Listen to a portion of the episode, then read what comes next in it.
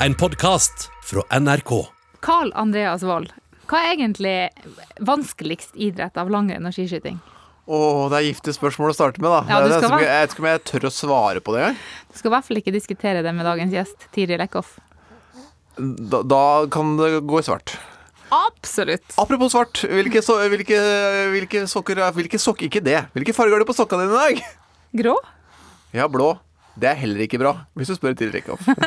Velkommen skal dere være til Sporten, hvor vi skal opp på pallen og inn i garderoben. Sporten med Karina og Carl Andreas.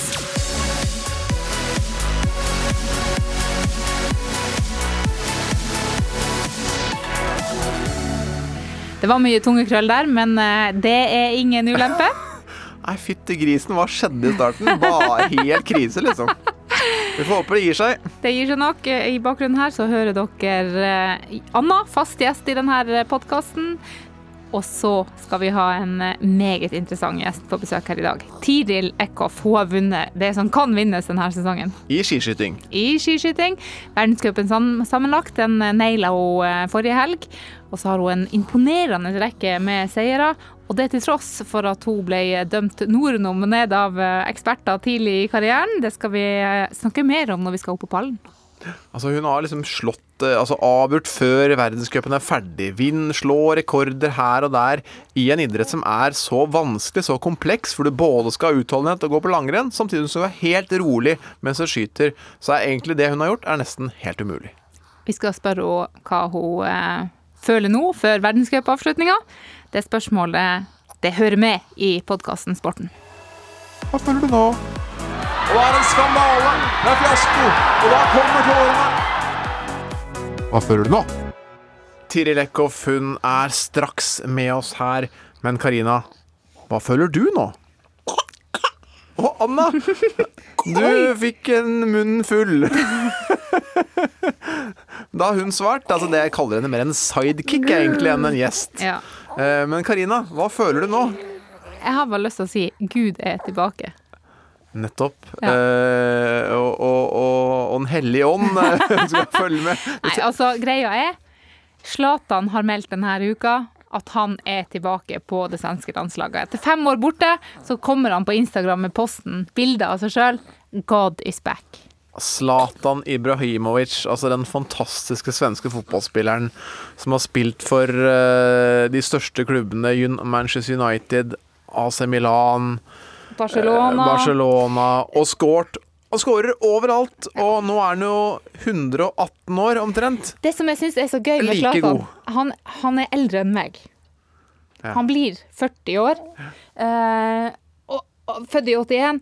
Altså, eh, han gjør ting som man, man ikke trodde var mulig når man blir såpass godt opp i årene som det vi er blitt. Men han, han, han er ikke med på trass. Han er Nei. med fordi han fremdeles setter standarden.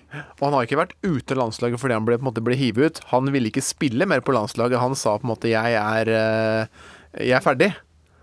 Og så er han tilbake, og det er så deilig. Ja, nå under Janne Andersson. Han får ikke være kaptein da, men han eh, skal inn og være en profil under eh, EM i fotball til sommeren som jeg, håper jeg får lov til å jobbe med, fordi det er jo ikke sikkert det blir noe, men jeg håper det blir EM, og jeg håper Zlatan blir en av dem vi skal snakke om der. Altså, EM i fotball det blir et bedre mesterskap med Zlatan Ibrahimovic. Så, sånn er det bare. Helt klart. Uh, jeg må si én ting, bare. For at nå har vi på en måte Jeg vet at fotball på en måte betyr veldig mye for deg, og det betyr så mye for deg at du har fortalt tidligere i denne podkasten om at du var i New York og gråt i en hotellresepsjon. Og vet du hva? Vi har fått en mail på sportenpod at nrk.no fra David Besseberg. Og vet du hva? Hæ? Akkurat når du satt i den lobbyen og gråt, så satt han ikke i den lobbyen, men han satt i en sportspub like i nærheten og satt og fulgte med på sånne, sånne oppdateringer på nettet. Tror du han fulgte med på TIL? Nei. Nei, han gjorde, han gjorde ikke det. Det er Han, ikke så mange av oss. han fulgte med på Strømsgodset mot Haugesund, for Strømskose kunne bli seriemester. Og så var det bare det at kona hans hadde nemlig eh, Han hadde fått en morgengave etter at de gifta seg. Tur til New York. Ja. Fantastisk romantisk. Ja. Men så var det den helga som Strømsgodset kunne bli det, seriemester. det er så urutinert. Men stort da av David å bli med. Absolutt. Han ble med, satt der på den sportspuben i nærheten av deg en eller annen plass, og så vant Strømsgodset. Og ble altså da seriemester for første gang siden 1970. Kan, kan det hende at vi var to i New York som satt og gråt over norske fotballresultater? Det kan faktisk hende. Så helga? liten er verden. Og folkens, gi oss flere sånne historier. da Det er jo massevis der ute av ting dere har opplevd, enten i sportens verden eller ting dere har følt på eller sett. Send oss en mail og fortell om det som David har gjort på sportenpod at nrk.no. Sporten med Karina og Carl Andreas.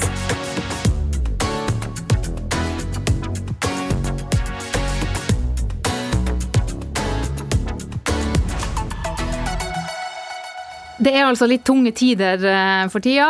Eh, ikke for Zlatan, og heller ikke for dagens gjest. Tiril Eckhoff, velkommen til deg.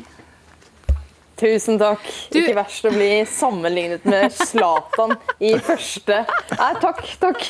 takk. Men altså, det er jo to snakkiser i Sverige denne helga. Eh, Det er jo det at selveste Tiril skal gå verdenscup i Østersund, og så er det det at Zlatan er tilbake på landslaget. Vi vi er enige om det, er vi ikke det?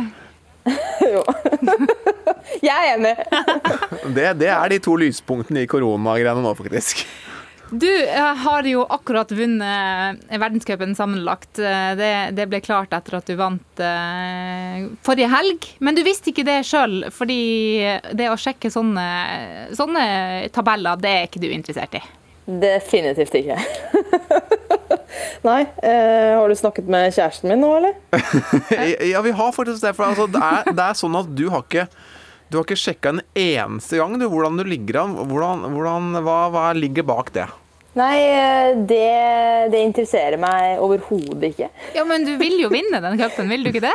Jo, men jeg tenker at hvis jeg bare vinner flest skirenn, så vinner jeg til slutt. Ja, det, det er jo Så har, logisk. og, så er det, ja, og så er det så avansert eh, det poengsystemet at eh, det gidder ikke jeg å drive og regne og, og sutre og drive med. Ja, fordi at jeg hørte jo på, um, på sendinga til NRK Sport i helga at uh, der var det noen, som, noen publikummere som spurte hva det betyr å stryke den. Så det, det er jo vanskelig for oss, men det er altså sånn at dere kan ta bort de dårligste resultatene. Mm, og spesielt nå når det er koronatid, så har de tatt i betraktning at du kan stryke ikke to renn, men fire renn. Og da er jo et poengsystem som er ja, helt unikt. Eh, så det er noe med det. Jeg har forståelse for det. det all, all sånn unødig regning, det unngår vi. Altså Verre enn skihopping, liksom? eller? Det er en grunn til at jeg gruer meg he alltid til uh, nå i slutten av mai, så skal det regne på skatt. Uh, og det utsetter jeg lengst mulig.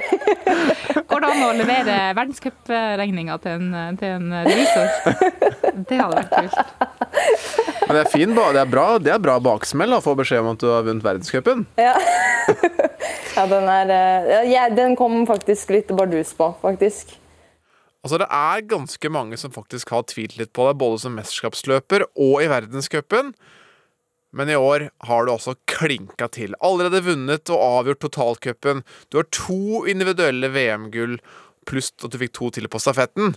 Så vi har latt oss inspirere. Nå skal vi ha pallen i utøvere som har reist seg igjen. Opp på pallen og inn i garderoben. Det her er sporten. Min første kandidat er en eh, selvfølgelig kandidat i denne sammenheng. Marit Bjørgen. Hun eh, vant eh, sitt første VM-gull i 2003, eh, hadde tre gull i 2005-VM, og så gikk det trått en periode, eh, blant annet i Liberec i 2009. Altså er Marit på oppløpet. Kommer der borte, ja. Marit. Og vi har hatt 17 jenter i mål. Katrin Selder ble 17. Og da blir det vel en 19.-20.-plass på, på Marit eh, Bjørgen i mål der, ja. På 43-12 inn på 19.-plass. 2,17 bak eh, Marit. Det syns jeg er i meste laget. Fikk det tungt, da. Det er tydelig et eller annet. Jeg er ikke i form. Ikke i form, tok eh, ingenting eh, i den perioden der. Um, og jeg, har en, en, en kollega da, som eh, uttalte i det her mesterskapet, det her var jo mitt første mesterskap, altså, nå kan Tiril bare Nei, ikke Tiril, unnskyld, Tiril, jeg så på deg.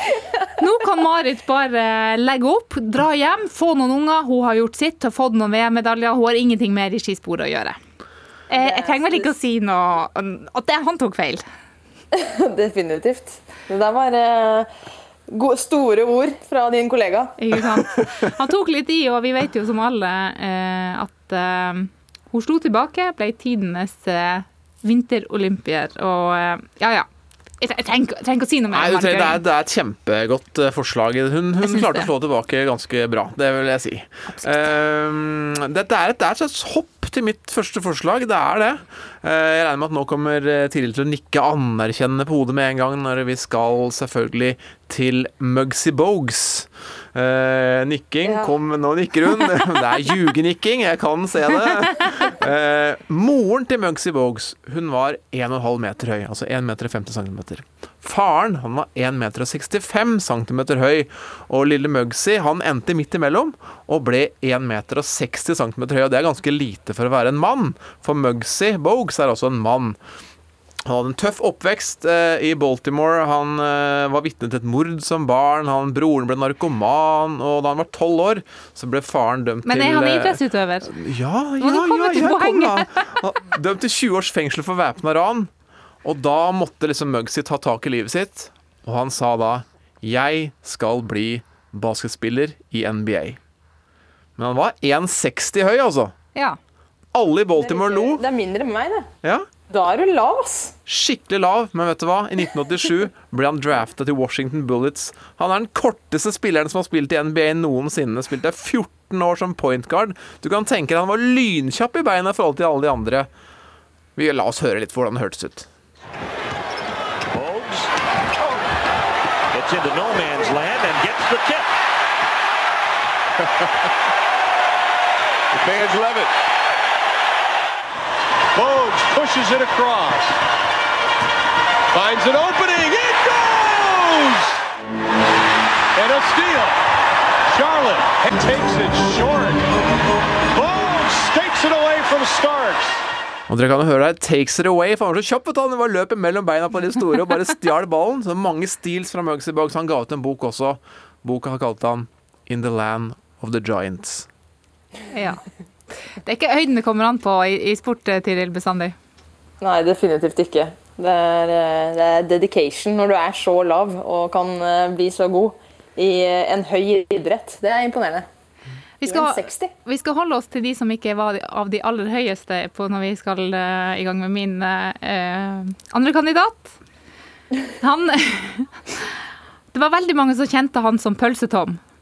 Eh, det, var, det var Hans egentlige navn var Tom Høgli. Han spilte på Bodø-Glimt, men eh, det var ikke mange som tenkte at han skulle bli landslagsspiller. Eh, innimellom landslagskaptein, eh, og at han skulle ut eh, til det store utland og være proff.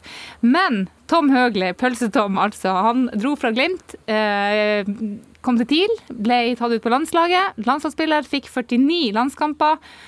Han hadde til og med kapteinspinnet noen, eh, noen kamper. Og hvem husker ikke da han nulla Cristiano Ronaldo på, på eh, fotballbanen?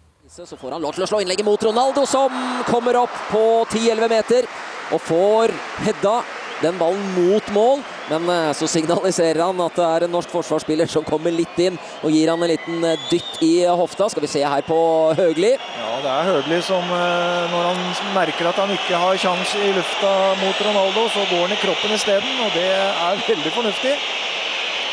Hindrer Ronaldo i å styre den ballen på mål. Han var altså så god, han godeste Tom Høgli. Etter eh, karrieren i TIL så spilte han i Belgia og også i, i Danmark for FC København. Og så er det jo en sånn legendarisk historie, historie av eh, Jon Carew, da, som, som bare etter kampen mot Portugal Han er nordlendingen på bekken, han var god, ass! Visste ikke hvem han var i det hele tatt. Men navnet ble jeg nysgjerrig på, det pølsegreiene, hvor det kom fra. Han var så glad i pølse. Det var det, Ja, ja. og hver gang det var tilbud på um, eh, Det brukte jo å være sånn tikroners viner på Narvesen. Da var pølsetom på plass. ja men de er gode, da. Det var også en periode der han kalte han for Burgertom, fordi at han in, Når han var innom Oslo, så var det alltid Bislett kebab på gang. Har du noe sånn fastfood-navn, eller, Tiril? Nei, men det var en periode jeg spiste en eh, burger. Ja, I OL i 2014 var det vel. Da spiste jeg burger før jeg tok en ball, faktisk. Så det er, eh, er ikke så eh, Begynner å bli mer og mer nazi på mat, faktisk. Så jeg spiser ganske sunt om dagen. Men var det, var det en eh, burger i Sotsji fordi det var mangel på noe annet der borte? Ja, eller at det var go godt med en burger. Så jeg er jo glad i burger da. Det det er bra VG-overskrift, det da. Burger-Tiril tar verdenscupen. Det var faktisk eh, OL, Karl Andreas. Ja, der ser du det. ser du det, ser du det. OL. Ja, ja, ja, unnskyld. ja, Det er riktig. Men du, ja, eh, da er det siste forslag. Ja. Uh, og nå har det vært inne på små folk. Det blir litt mer små folk her. Uh, og vi skal faktisk Dette er overraskende det kommer fra meg, men vi skal til fotball. For som 11-åring så fikk Lionel Messi diagnosen veksthormonmangel. GHD. Og River Plate, den argentinske storklubben, hadde oppdaga talentet hans for, eh, og sa at han var veldig god. Men så fikk de altså den diagnosen, og da ville det koste 900 dollar i måneden eh, å behandle han. Ja. Den Altså gangen gjøre han høyere. Ja, den gangen, ja, så sørge for at han ikke ble liksom bitte, bitte liten. Da. Ja. Du må få han litt opp, i hvert fall. Og du, og du kan også bli veldig sånn sped når du har sånn GHD. Rundt 600 kroner i måneden. Det var dårlige økonomiske tider i River Plate, og ja, vi, har ikke, vi har ikke så troa på at han kan bli så god at det er verdt 6000 i måneden. Så de sa beklager, vi kan ikke dekke dette her. Eh, Så hadde de noen slektninger i Catalonia, Messi-familien, og derfor fikk sportsdirektøren i Barcelona nyss om denne talentfulle gutten som var syk, men trengte behandling. De tok sjansen, henta han som 13-åring, betalte disse 6000 kronene i måneden. Var ikke feil. Jeg tror de har fått pengene tilbake. Så 1,69 høy ble han til slutt, da. Messi, tidenes fotballspiller, eller Tiril? Ja, jeg tror jeg, ja, han står sterkt på min pall, i hvert fall. Eh, det, den historien visste jeg ikke, så det, det er kult. Nei, la, og la oss høre hva han fikk til da, med sine 1,69 når han til slutt eh, fikk den lengden. Messi. Oh, brilliant skill from Lionel Messi. Surging forward with real menace here. From Messi. Oh, what a goal that is! And the whole of this ground stands and applauds the 19-year-old. Have you seen a better goal than that anywhere this season? I very much doubt it. Well, you can't help but smile. That was sensational. And there's very few players, if any, in the world could do what he's just done, Kevin. Dette her var altså seks år etter at Barcelona betalte for den første 6000 kroners behandlinga. Og da skårte mot Ketaffe og dribla hele laget. Det var sånn Maradona-goal, liksom. Vi har fire kandidater. Vi har Tom Høgli mot Messi. Jeg vet ikke helt. Hvem skal ut? Det, altså, Pølsetom, bare navnet lukter jo fjerdeplass. Men, altså, det, er jo det, det, er jo, det er jo det som sier alt om hvor mange steg fra pølsetom til utenlandsproff og europaligaspiller, liksom. Jeg er enig. Jeg er enig. Hva du tenker Tiril? Nei, jeg tenker at pølsa må gå, holdt jeg på å si. Pølsetom. At han må ut? ja, han må, ja, sorry ass, Messi. Ja. Ja, jeg, altså, Jeg skjønner at han står hjertet ditt nært, og det er nord og alt sånn, men uh, pølsetom må ryke her, ass. Men da er det Marit Bjørg Da er det altså den klassiske trioen. Det er Marit Bjørgen, Mugsy Bogues og Lionel Messi vi har igjen her. Uff. Det er forskjellige Altså, da. eh, jeg, jeg mener jo Bjørgen må på topp. Hun har slått skikkelig tilbake for dem som sa at hun kunne bare legge opp. Altså VG skrev en sak, jeg så på, så på det her i går, i 2009 om at eh, nå legger hun opp etter sesongen. I 2009. Hun, hun hadde jo så vidt begynt. Ja. Vi snakker Lionel Messi her, liksom. Og Mugsy Ja. Bogues. OK, vi tar Messi. Mugsy, Mugsy skal på en tredjeplass. Mugsy. OK, Mugsy på tredje, Bjørgen på andre. Ja, altså Mugsy, ja. Jeg vet ikke. Du får bestemme, dere, dere sports... Ja, men nå, du er, du, det er du som er i Ja, flytsonen her. Det du er i Ja. flytsonen, så du må liksom eh, hvem, Hvis da har du fått Mugsy på tre, det er jeg enig i at det er greit, liksom, for det er, det er spennende. Man var ikke den beste spilleren, men han var i NBA da 14 år. Men OK, da står det mellom Lionel Messi og Marit Bjørgen. Du stemmer for Marit Bjørgen. Ka Men det er Karina? comeback, er det ikke det? Var det comeback? Nei, det er liksom komme tilbake når du har liksom blitt dømt litt nord og ned. da Vise Fått fingeren til Fått beskjed om at det, det her går ikke. Vi har ikke tro på deg, Messi. Du får ikke 6000 kroner i måneden. Nå må du hysje, nå skal Tiril tenke sjøl. Skal ikke Ja. du prøve å Ja, påvirke jeg, noe tenker, jeg ble faktisk litt rørt av Messi-historien, så jeg går for Messi. ass. Men altså, så er Marit hun er et stort stort forbilde. Så ja, ja. Ja, men Dette er vanskelig. hun har vunnet så mye, Marit, at hun kan være fornøyd med noen andreplasser. Messi, ja, Messi har ikke vunnet noe. Okay. Vi, eh, vi spikrer ballen. Mugsy Bogues på tredje. Marit Bjørgen på andre. Og Mesdames et messieurs, médaillé d'or. Ladies and gentlemen, gold medalist. nummer én, den eneste ene, verdens beste fotballspiller gjennom tidene. Lionel Messi. Og så skal vi ikke glemme at vi sa at vi må si pølsetom på fjerdeplass. OK. Pølsetom havna på den sure fjerdeplassen, men eh, fjerdeplasser, det er ikke Tiril Kampenhaugen Eckhoff noe vant med denne sesongen, iallfall. Sleit litt med navnet der. Ja, så sleit så jævlig! Jeg føler faktisk jeg føler faktisk at jeg har litt tungetrøbbel i dag. Jeg må Jeg, jeg innrømme merka det. Du har Ja. fælt, faktisk. Jeg tror faktisk det er koronaen og den jævla driten. Jeg måtte eh, avbestille en tur eh, som jeg skulle på denne, hel denne helga. Jeg Hvordan tur var sånn- dette her? Jeg skulle hjem og feire mamma sin 70-årsdag. Ja. Ja. Eh, ikke verre enn det, men det er nok til at jeg har litt agg bak i ryggen. Så jeg beklager til alle som hører på. Men da knoter du, da. Og det er jo en fin overgang til Tiril, som ikke har knota i det hele tatt På ingen måte. den sesongen her. For, for har du opplevd maken til liksom flyt og følelse som du har hatt den sesongen her, Tiril? Eh, nå må jeg bare minne på at jeg ble nummer 80, 80 og nå. Ja, eh, første skirennet jeg gikk i vinter. Den, har vi, den, har, den Så- kunne vi stryke. Ja, var strykning. Den har jeg strøket nå. Ja, det var en strykning. Eh, så nei, det er deilig å være i flyten, men spesielt nå, da. Men det er jo sånn eh, at du, Det er typisk deg at du nå nevner den der 88.-plassen. Fordi at eh, Har du vanskelig for å tro at du er så god? Ja. Jeg er vant til at du får Det er et godt spørsmål. Det er et godt spørsmål. Nei, eh, si det. Jeg er vant til at det går litt opp og ned, da, så da må du bare forberede deg på at det kan gå litt opp og ned. Ja, bare, bare for å minne liksom, de som hører på nå, hvor, hvor bra det på en måte går. Altså, nå har du nesten slått alle, alle rekorder i antall sprints her på rad. Tatt verdenscupen. Du er liksom større enn Tora Berger. En Liv Rette Skjelbreid. Altså, du, alt går liksom veien. Du vinner omtrent alt som er. Og så likevel så er det liksom litt sånn usikkerhet før neste renn. Hva, hva er det som gjør at det er sånn? Og hva tenker du?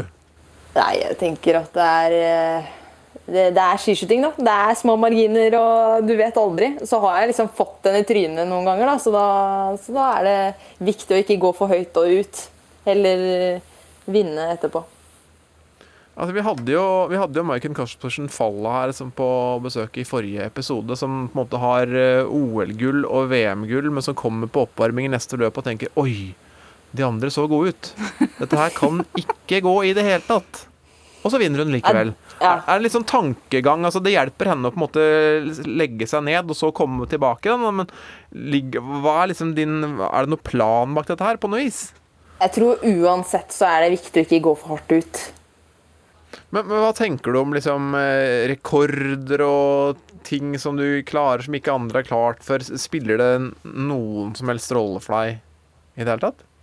Eh, nei Eller jo, eh, jeg hadde jo et mål i år, å ta 20 verdenscupseire. Eh, 20? Ja. En, eh, og, og det klarte jeg, da. Og da var jeg fornøyd. Ja, sånn til sammen. ja, til sammen. Så nå, nå har jeg 25, da. Men det, så nå er liksom målet neste år tror jeg blir å ta Tora Berger har rekorden i Norge, i hvert fall.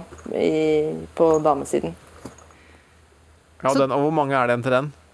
28. Ja. Så du, du har som mål om at nå har du liksom tolv så langt i år, og så har du som mål at du skal ta tre neste år, da. ja. Det er hårete mål. Det er det. Definitivt. Men har det, noe, har det noe med liksom kompleksiteten i skiskyting å gjøre? At man, altså, man vet jo faktisk aldri. Det er jo veldig mange steder det kan gå galt, så det er liksom en fornuftig måte å, å faktisk tenke sånn. Jeg tror det er fornuftig, men det er fordi jeg har gått på så mye smeller. Jeg sa jo i 2017 at jeg skulle gå for worldcupen. Eh, Jeg tror jeg ble Jeg vet ikke om jeg var topp 15 i worldcupen engang. jeg. Så det er på en måte sånne ting jeg har gått på noen smeller opp igjennom. Og så lærer man av de at eh, det er ikke bare bare å, å gå og hente worldcupen. Du må holde deg frisk, du må ha god skyteform gjennom hele sesongen, og det er ingen selvfølge. Så det er veldig mye sånne små marginer, så kan det hende at du stiller deg inn feil på en standplass, og så ryker hele helgen. Eller at du blir sjuk og må reise hjem, og sånne ting. Hva gjør du for at eh, du skal holde alle de her småtingene på din side? Nei, da er du en streber, da. Og det er jo det jeg er, Ja. på en måte. Ja, på, på hvilken måte da? Nei, da spiser man brokkoli og Nei, prøver å være eh, så god jeg kan da, i de fleste ledd. Absolutt alt du gjør er prega av det at du, du skal ut og vinne. Mm, eh, ikke alt. Eh, kunne sikkert vært ryddigere. Eh, det kunne vel alle. Men eh, jeg føler at jeg gjør noen prioriteringer ja, rundt idretten da, som er sært. Når det ikke går veien, da, og du allikevel gjør de tingene du vanligvis gjør, eh, hva gjør det med deg det? Ja, da blir jeg deppa, da. Det, I fjor så hadde jeg noen uker der hvor jeg var langt nede og gravde godt. For da hadde du vunnet så mange på rad, og så vant du plutselig ikke når VM kom. Ja, eh, ja, eller Det var på en måte hovedmålet i fjor, da. Det var VM. Og, og når du da i tillegg klarer å bomme tre bom på siste stå når du kunne vunnet worldcupen òg, og det er korona i tillegg, så går du ned i en sånn eh, Hva gjør jeg med livet mitt, liksom? En sånn depresjon. Men svaret på det må jo ha kommet ganske eh, altså For du har jo kommet heldig ut, det vet vi jo nå. Eh, var det noen Ja. grep du gjorde i etterkant av fjorårssesongen inn mot årets sesong som, som du nå kan se hjalp deg veldig? Det var vel sikkert at jeg var skuffa, da. At jeg skippa ikke så mye treningsøkter eh, i det hele tatt. Jeg, eh, men jeg var jo også Ja. Først var jeg deprimert en måned, og så var det jo på en måte å komme seg opp igjen da, og bygge opp eh, selvtilliten og tenke at uh, det her takler jeg. For det er jo litt kult med skiskyting at du må på en måte takle de negative følelsene, og det syns jeg er litt spennende. Kommer du deg opp igjen sjøl, liksom? Er det det du liker best, eller trenger du at andre skal uh, hjelpe deg opp igjen? Nei, Nei, det er jeg som må øh, grave meg selv opp, ja. Den måneden hvor du tillater deg selv å være deprimert, hvordan er det å ha med å gjøre da? Nei, det kan du sikkert snakke med kjæresten min om. Eh, eh, jeg tror jeg var litt sånn eh, død, men ja, sliten og, og litt skuffa. Men jeg er jo som regel blid, da. Så Ja, litt vanskelig for, for å se det for meg som en sånn sur Nei, nå ligger jeg på sofaen, la meg være i fred-type. Det klarer ikke jeg å se, altså. Nei, det, det var kanskje tre dager da jeg lå og syntes litt synd på meg selv. Og så tenkte jeg nei, fader heller. Det her hjelper ingen. Men du, hvorfor ble det skiskyting? Eh, jo, det kan jeg fortelle. Jeg eh, vokste jo opp med to søsken. Eh, de var ganske mye eldre. Eh, Stian han var 11 år eldre, og Kaja var 6 år eldre. Og de drev med skiskyting, så jeg har på en måte vokst opp med idretten. Og har vært veldig sånn Noen vil bli Ole Einar, mens jeg ville bare slå søsknene mine, egentlig. Um, og ja, jeg digget idretten. Da. Jeg har stått i, når jeg var seks og sparka i snøen fordi jeg ville også starte med skiskyting. Så jeg fikk starte litt før, da, så starta jeg da jeg var ni år. så jeg eh, har vært veldig glad i idretten, egentlig. Men eh, var det noen andre, andre alternativer noen gang? Du har jo vært på fotballbanen, Eh, vet jeg. Det stemmer. Eh, ja, jeg syns jo fotball er kjempegøy, eh, så jeg drev og sparka fotball ganske lenge. Eh, men Og jeg har drevet med langrenn, selvfølgelig. Det er jo en liten sånn selvfølge, nesten, i Fossum. Men det har alltid vært skiskyting som har stått hjertet mitt nærmest. Altså. Hva med ballett? Ja, den eh, der, eh, der slutta jeg faktisk. Men du prøvde? ja, jeg syns det var veldig gøy. Men nå skal jeg fortelle den, den sanne historien bak eh, ballettkarrieren min. Der, eh, der slutta jeg faktisk, fordi jeg følte meg så feit. Nei. Var du ikke liksom estetisk nok? Nei, jeg var liksom Jeg var litt uh, Alle var jo sånne streker. Så det, Dette er jo helt forferdelig. Så jeg slutta der, da. Altså det var litt mer, du var litt mer, litt mer punch der, liksom? Altså, Ja, var- jeg var plugg, ja. ja. Jeg hadde fotballegger og fotballår, liksom. Jeg var, en, jeg var litt sånn Ja, jeg hadde litt muskler, da. Men, men var du lei deg for det? At du tenkte at du kan ikke drive med ballett fordi du har for mye muskler? Nei, jeg, vet ikke helt hvorfor eh, Nei, men det var derfor jeg slutta. Men jeg tenker liksom at det er bra. Altså, altså, jeg, jeg var sånn eh, Jeg skulle være med noen kompiser på turen en gang. Og, da slutta jeg også, at jeg kom, jeg kom meg jo ikke ned i posisjonene de på en måte var. Altså Jeg kom meg ikke ned i spagaten som var en del av oppvarminga. Eh, Og du var jo sterk, så du, jeg regner med at du fikk, kunne jo sikkert gjort øvelsene. Ja, jeg tror også hun syntes det var litt synd hun, at jeg skulle slutte, på en måte. Men jeg vet ikke hvorfor jeg hadde fått det inni i mitt eget hue at jeg var for tjukk til å drive med ballett. Men, men jeg slutta i hvert fall. Så egentlig er jeg veldig glad for det nå, da. Ja. Tenk, kunne vært på operaen. Nå er det verdenscupen for. Jeg er veldig glad for at du er i Østersund og går fort på ski, altså. Ja, her kan jeg i hvert fall spise det jeg vil og kose meg med den idretten jeg føler jeg brenner for. Ikke sant. Eh, Men eh, når du ikke driver på med skiskyting, og er, du er jo toppidrettsutøver i alt det du gjør, men eh, det går en del i strikking, hæ? Går litt i strikking. Ja, eller er det bare det at du, eh, at du liksom eh, får noen til å designe for deg, eller driver du på med liksom Tiril Nei, jeg har faktisk eh, nå, nå, Det er så mange som tror det der, og så blir jeg så skuffet. Så nå skal jeg faktisk Jeg har faktisk en shorts liggende her, så jeg driver og strikker hele tiden. Så Hva jeg har du på pinnene, Tiril? Nei, det er, det, er, det er fremtidig design, så det kan jeg ikke Det er hemmelig.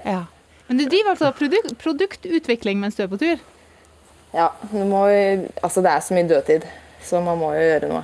Men, men jeg, dette her lurer jeg på. Jeg kan jo ikke strikking, men når man altså, teg, Når du skal lage et nytt mønster, liksom, tegner du først, eller bare strikker du og så freestyler mens du strikker, eller hvordan funker dette her?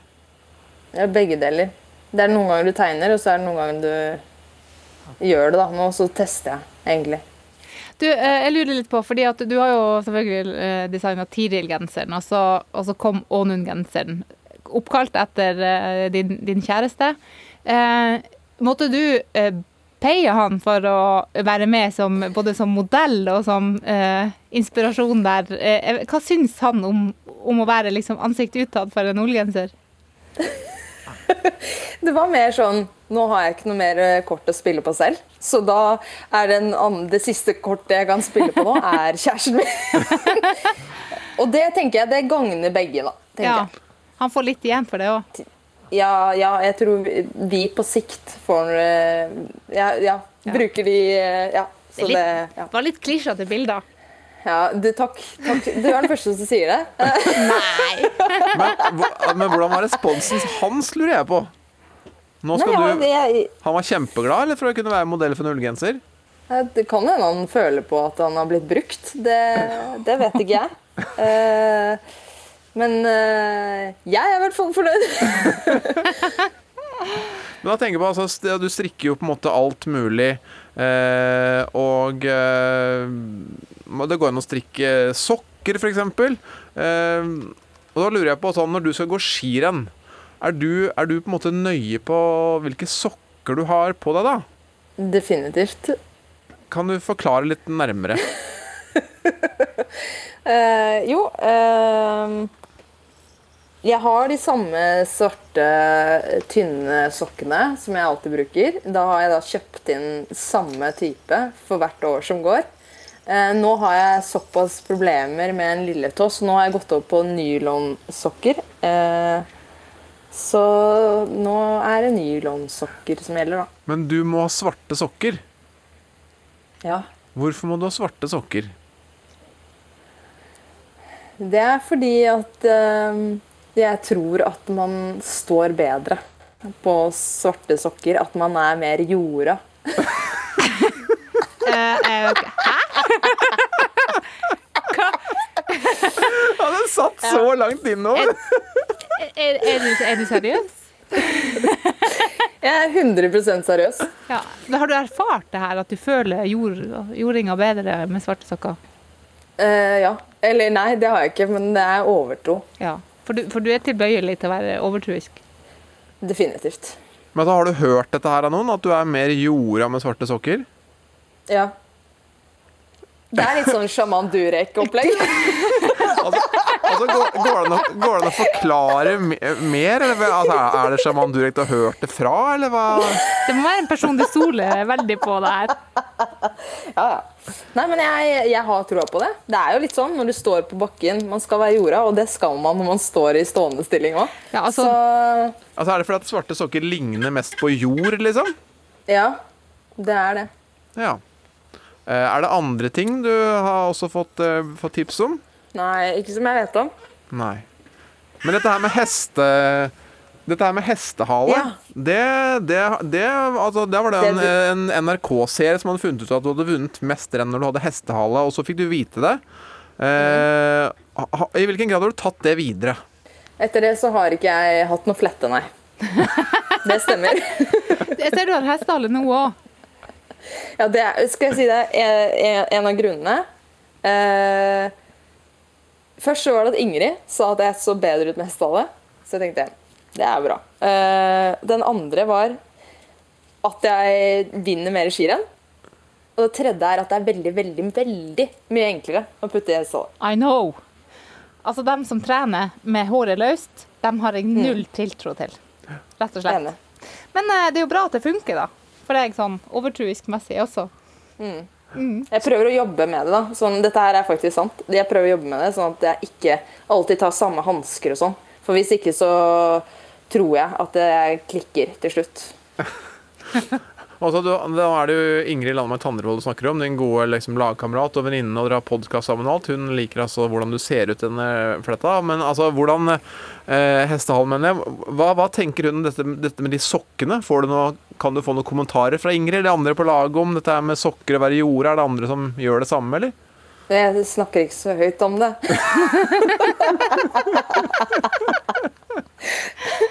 Vi skal ikke si det til noen.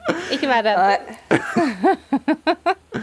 Nei, vi skal ikke si det. Du, det var eh, det er, det er mange Det er mange som er overtroiske. Vi har jo hatt Nina Løseth med. Hun eh, hadde på et tidspunkt noen eh, sånn eh, magisk gjørme nedi slalåmskoene. Så det er mange Ja, okay. det, det, det er next level, ass. Det, der er jeg jo ikke. Men så er det på samme nivå som Lukas Bråten, alpinisten. For at han også syns det er veldig viktig eh, hvordan man ser ut.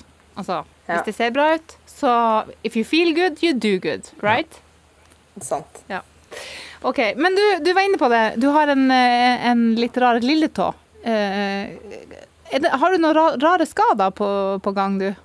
Nei, eh, det er bare fordi jeg knakk lilletå for ett og et halvt år siden. Og nå har lilletåen Den er ikke helt Den vil, vil ikke gå mer med press i skoen, på en måte. Nei. Så det er ikke jeg som bukker under for presset, det er faktisk lilletåen. Sånn. Å, den var tørr. Den var veldig tørr. Oh, nå vet jeg hvordan humor. Tiril har.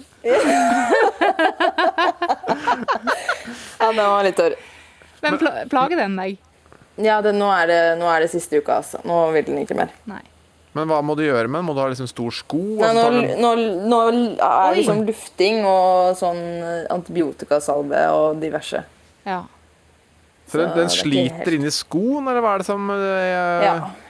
Det blir sånn trykkskade. Er ikke du fotballfyr? Ja. Ja, jeg er litt er sånn alt mulig. Men jeg har, jeg har hatt militær, jeg, vil si sånn, men, nå, men hvordan kan det løses, da? Har du noen Nei, tanker om det? nå har jeg et hull i skiskoen, faktisk. Ja. Altså tåa stikker ut av skoen? Mm. Bare at eh, den er på en måte Og så er den gjemt sånn at det ser ut som en vanlig sko, men så er det egentlig et hull i skoen. Altså, det er et, hem det er et hemmelig hull i skoen. Mm. Så dette er jo, det er jo helt rått. Men, men må, Ja. du, må du operere den tåa, eller hva? Nei, jeg tror dette skal gå fint. Så jeg må bare ha påskeferie og ferie. Den må få hvile litt. Ja. Ja, men da har vi da altså, hemmelig hull i skoen og jorda sokker og hestehale og Det må jo gå veien, dette her. Ja, er det noe mer, eh, mer eh, hemmeligheter dere vil ha ut, eller? Nei, du, altså, jeg, jeg, jeg har lurt litt på en ting, for jeg følger deg jo på Instagram. Og, eh, veldig mange fine bilder, by the way, det må jeg kunne si. Eh, men da eh, Emil Hegle Svendsen la opp, eh, så kom Mm. du med en sånn hyllest til han. Men da skrev du at du skulle lytte til fisen. Oi. Ja, og da, da tenkte Det er langt nede i scrollen. Ja, men jeg har god husk. Jeg bare, hva, det, hva det her slags eh, rumpehumor, tenkte jeg da. Å, herregud. Nei, eh, den historien der, det der er imponerende. Eh, Emil var jo sammen med søsteren min i gamle, gamle, gamle dager. Ja. Det vil si at jeg, var, jeg gikk på ungdomsskolen. Du var en liten Eh, jente. Ja. Eh, og da var liksom Emil var sammen med da, søsteren min. Eh, og han skulle da være barnepasser for meg da. Eh, på ungdomsskolen. Eh, og så syns jeg han var litt sånn kjip, fordi søsteren min hadde hatt en mye kulere kjæreste. Det er gøy. så jeg syns liksom Emil var litt sånn ja, Han var liksom ikke så kul, da. Så, eh, så satt vi og skulle liksom høre på Nei, se på TV, og da hadde vi en sånn gammel sånn vintage sofa, da, mamma og pappa. Eh, og så plutselig bare Har du verka liksom, hvis du fiser i den sofaen her, så blir det sånn spang-lyd? Sa han det? ja. Så da liksom eh, feis han i sofaen, og så hørte jeg, og så syntes jeg det var veldig gøy. da. Så det er liksom første Eller da tenkte jeg at Emil er faktisk kul. Da ble han godkjent. ja. Jeg skjønner jo det. Ja. Rumpehumor er aldri Så- feil, spesielt ikke for Karl Andreas. Nei, nei, nei. nei. Og, og jeg vet at du har jo hatt dine historier og dine feider med, med gutter, på en måte. Og kjæresten din han bodde sammen med langrennsløper i Trondheim, som heter Andrew Musgrave. Kjæresten heter Ånund, og de er jo langrennsløpere. Og du er skiskytter. Eh, Mm. Har det hendt at dere har hatt noen sånne diskusjoner om på en måte langrenn og skiskyting, og hva som på en måte er best? ja, definitivt. Eh, Har dere blitt vi enig? Jo, eh, nei, der eh, ble vel jeg så sint at eh, jeg måtte ut, rett og slett. Jeg var nesten så Ja, nei, for de mente at langrenn var kulest, og jeg mente at skiskyting var en større idrett eh, i eh, liksom Europa, eller verden, da. Og når var det det rant over for deg? Hva var det liksom det endelige argumentet? Husker du det? Nei, husker du det? Jeg husker det ikke. Men kan du kjenne igjen argumentet eh, hvis, du ikke, hvis du er sånn litt god på langrenn og litt god på skyting, så blir du skiskytter. Det var det som rant over. Da var da jeg nesten begynte å grine. var det det? Det er helt riktig.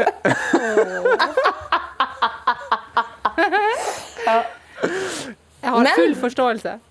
Ja, eh, Nå skal det være sagt at vi hadde en veldig god eh, langrennsløper som byttet til eh, skiskyting.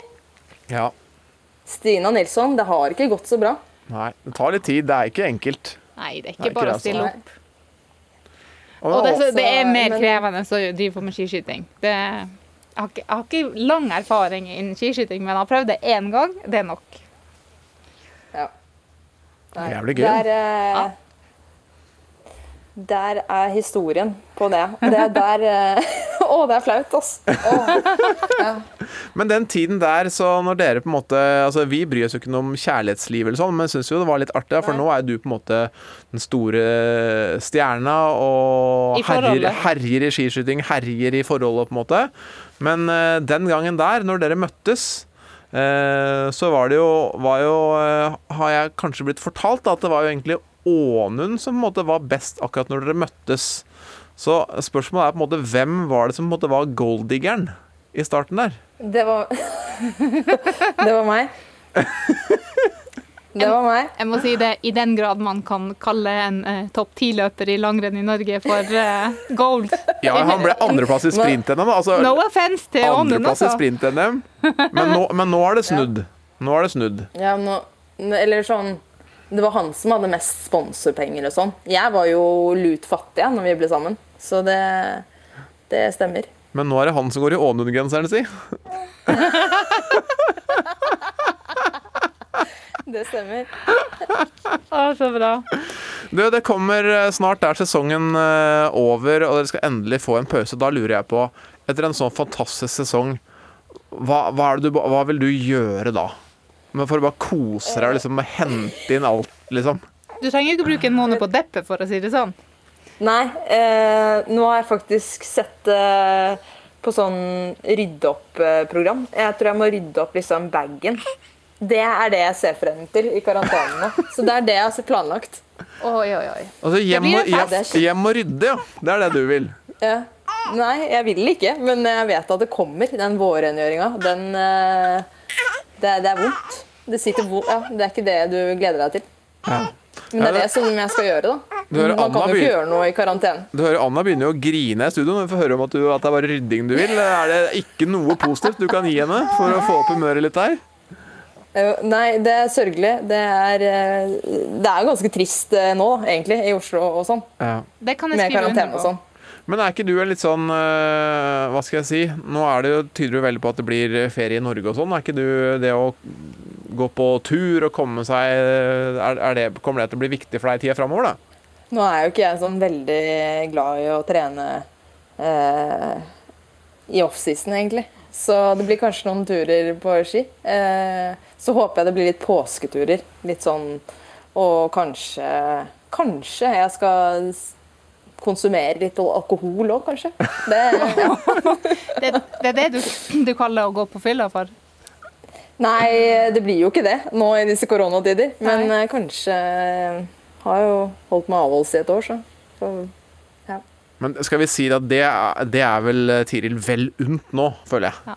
Du må kanskje åpne, øve litt på å åpne de champagneflaskene. ja, definitivt. Ja. Definitivt. Ja, ta to.